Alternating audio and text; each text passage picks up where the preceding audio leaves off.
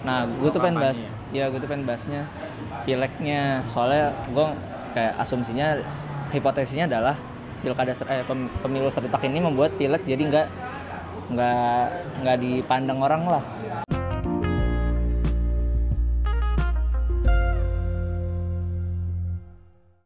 Gitu.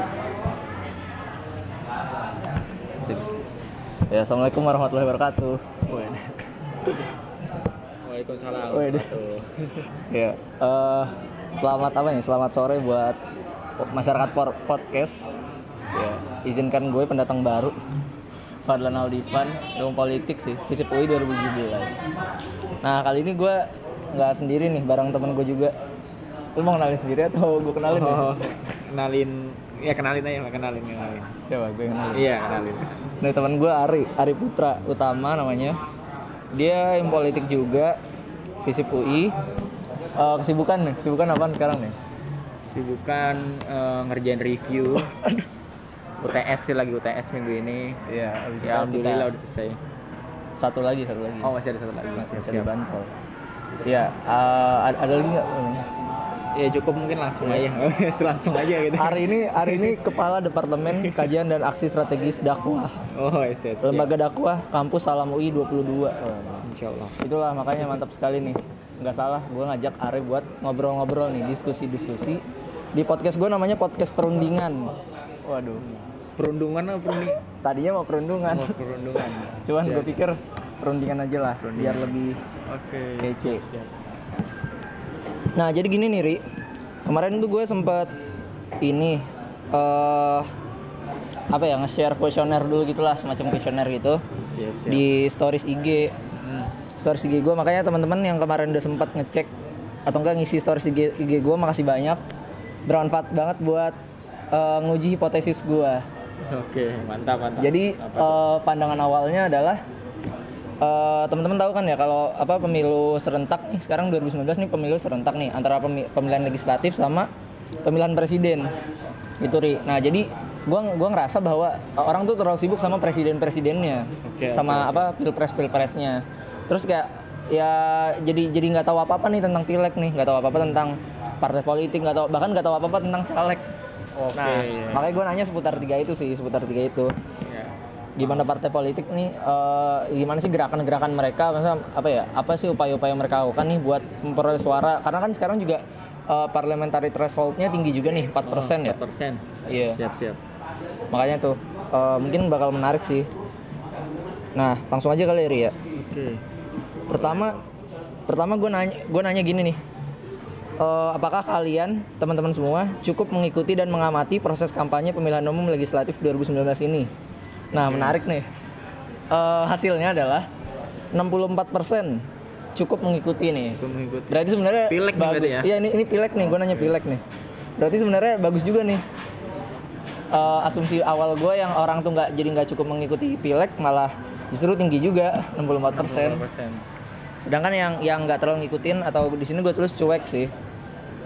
Ya 36% gitu sisanya. Oke. Cukup cukup jauh juga lah ya, maksudnya nggak nggak di angka 50 persenan gitu. 64. Nah, kalau lo sendiri ngelihat ngelihat eh, pemilu serentak ini gimana sih, Ri?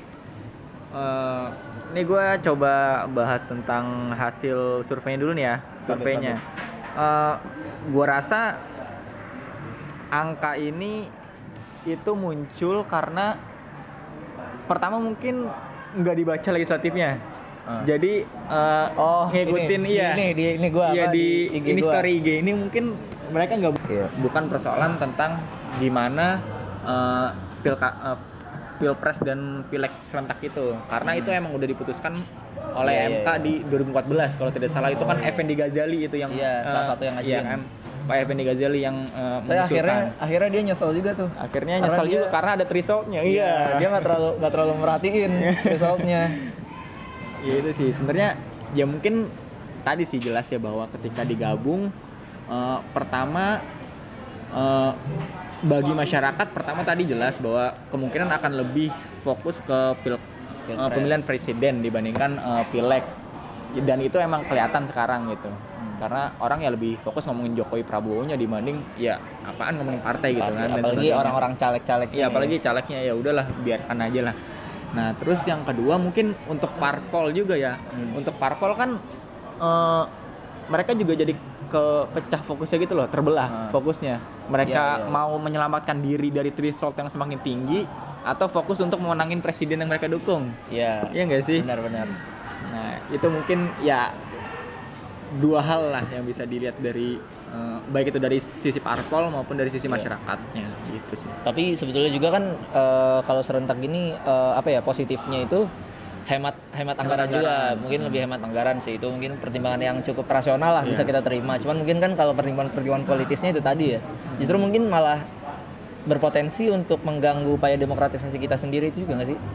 Kayak jadi eh, maksudnya kita kan juga perlu nih, perlu ada yang apa ya penguatan parlemen buat demokratisasi yang bagus dan Siap. cuman malah masyarakat jadi kayak acuh gitu kan acuh sama pileg itu sendiri. Masa mereka jadi nggak tahu bakal memilih siapa bahkan kayak ya ya mungkin nanti dikhawatirkan juga sebetulnya gimana ya malah mengerucut ke ini nggak sih cuma partai-partai yang kayak misalkan contoh ya PDIP atau enggak Gerindra doang pilihannya karena emang udah ngikutin ini kotel efek ya, efek ya dari calon presidennya. Iya. siap siap lu gimana? emang sih eh, berdasarkan survei-survei yang muncul sekarang juga kan eh, partai-partai yang kemungkinan lolos threshold itu ya paling antara 6 atau 7 gitu bahkan 5 ada yang menyebut cuma 5 aja yang Iya. lolos threshold yaitu partai yang udah besar lah PDIP terus eh, Gerindra yang emang punya Iya. wakil di eh, calon presidennya gitu. Mungkin untuk partai lain yang udah punya basis masa kuat dan besar misalkan kayak PKB itu kemungkinan juga lolos. Termasuk kayak Golkar yang udah punya basis sampai ke pedesaan dan Iya, sebagainya iya. itu. Di birokrat juga kuat Golkar. Tapi untuk partai-partai lain yang eh, basis masa kulturalnya itu kurang lalu juga eh, tokoh-tokoh eh, yang muncul ke publik itu sedikit Iya. itu juga jadi uh, satu hal yang sulit bahkan misalkan untuk partai yang udah punya basis masa kuat di akar rumput seperti PKS itu juga uh, masih Harap-harap tanda cemas. tanya ya masih tanda tanya cemas. termasuknya P3 yang udah punya sejarah panjang Iya, dari dari- tahun uh, dari Orde Baru gitu sampai Iya, sekarang iya. yang mungkin harusnya udah punya masa kultur PK gitu terus Hmm. tiba-tiba pindah ke PDIP juga gua nggak habis pikir apalagi ke partai-partai yang mungkin kalau orang lihat secara ideologis ya yang nggak jelas Iya, gitu ya nggak jelas, jelas, iya. ya nggak ada masalah bagi mereka untuk pindah parpol mungkin ya secara Hmm. pribadi asal di sana mereka dapat tempat bisa dapat dapil yang mereka inginkan mungkin Iya. pertama itu terus kedua ya bisa dicalonkan oleh partai itu Iya. dapat kesempatan gitu dikasih kesempatan ya mereka coba untuk melakukan itu walaupun harus pindah partai Benar. nah di sini kan ya mungkin kita masuk ke partai identification gitu kan Iya, partai iya. ID gitu identifikasi eh, parpol gitu bukan hanya kepada pemilih tetapi kepada eh, stru- eh, struktural yang ada termasuknya calegnya gitu karena Ah. kalau di negara-negara maju gitu ya Amerika Serikat contohnya itu seharusnya partai ID itu lebih kuatnya itu ke calon-calon legislatif mereka ke legislatif mereka termasuk Iya, juga iya. ke struktur partainya bukan ke pemilihnya nah Iya. kalau kita kayaknya ya pemilihnya yang lebih yang lebih, Lebih- batu yang lebih batu gitu kalau untuk bela partai gitu kan gitu. oh iya lebih Iya ngotot nggak sih? lebih ngotot untuk bela partai dibandingkan ya orang di strukturalnya sendiri Di internal partai itu Di sendiri ya. partainya. emang sih itu masalah partai identif partai ID jadi satu hal yang penting sih maksudnya untuk apa ya untuk melahirkan kebijakan-kebijakan yang nantinya emang sangat merepresentasikan eh, orang-orang yang diwakili itu sendiri gue ngerasa kalau gue gue yang punya pandangan bahwa partai ID penting dimiliki oleh setiap partai sih. Sangat ya gimana ya sangat kemudahan ya. bagi gue sih terlalu mudah sih sistem kepartaian di Indonesia itu terlalu mudah untuk memberikan ruang-ruang bagi partai-partai baru untuk berdiri. Ya emang sih kan eh, syaratnya itu kalau nggak salah harus punya kantor di setiap provinsi ya? provinsi. Ah, harus punya kantor di setiap provinsi kabupaten kota bahkan malah.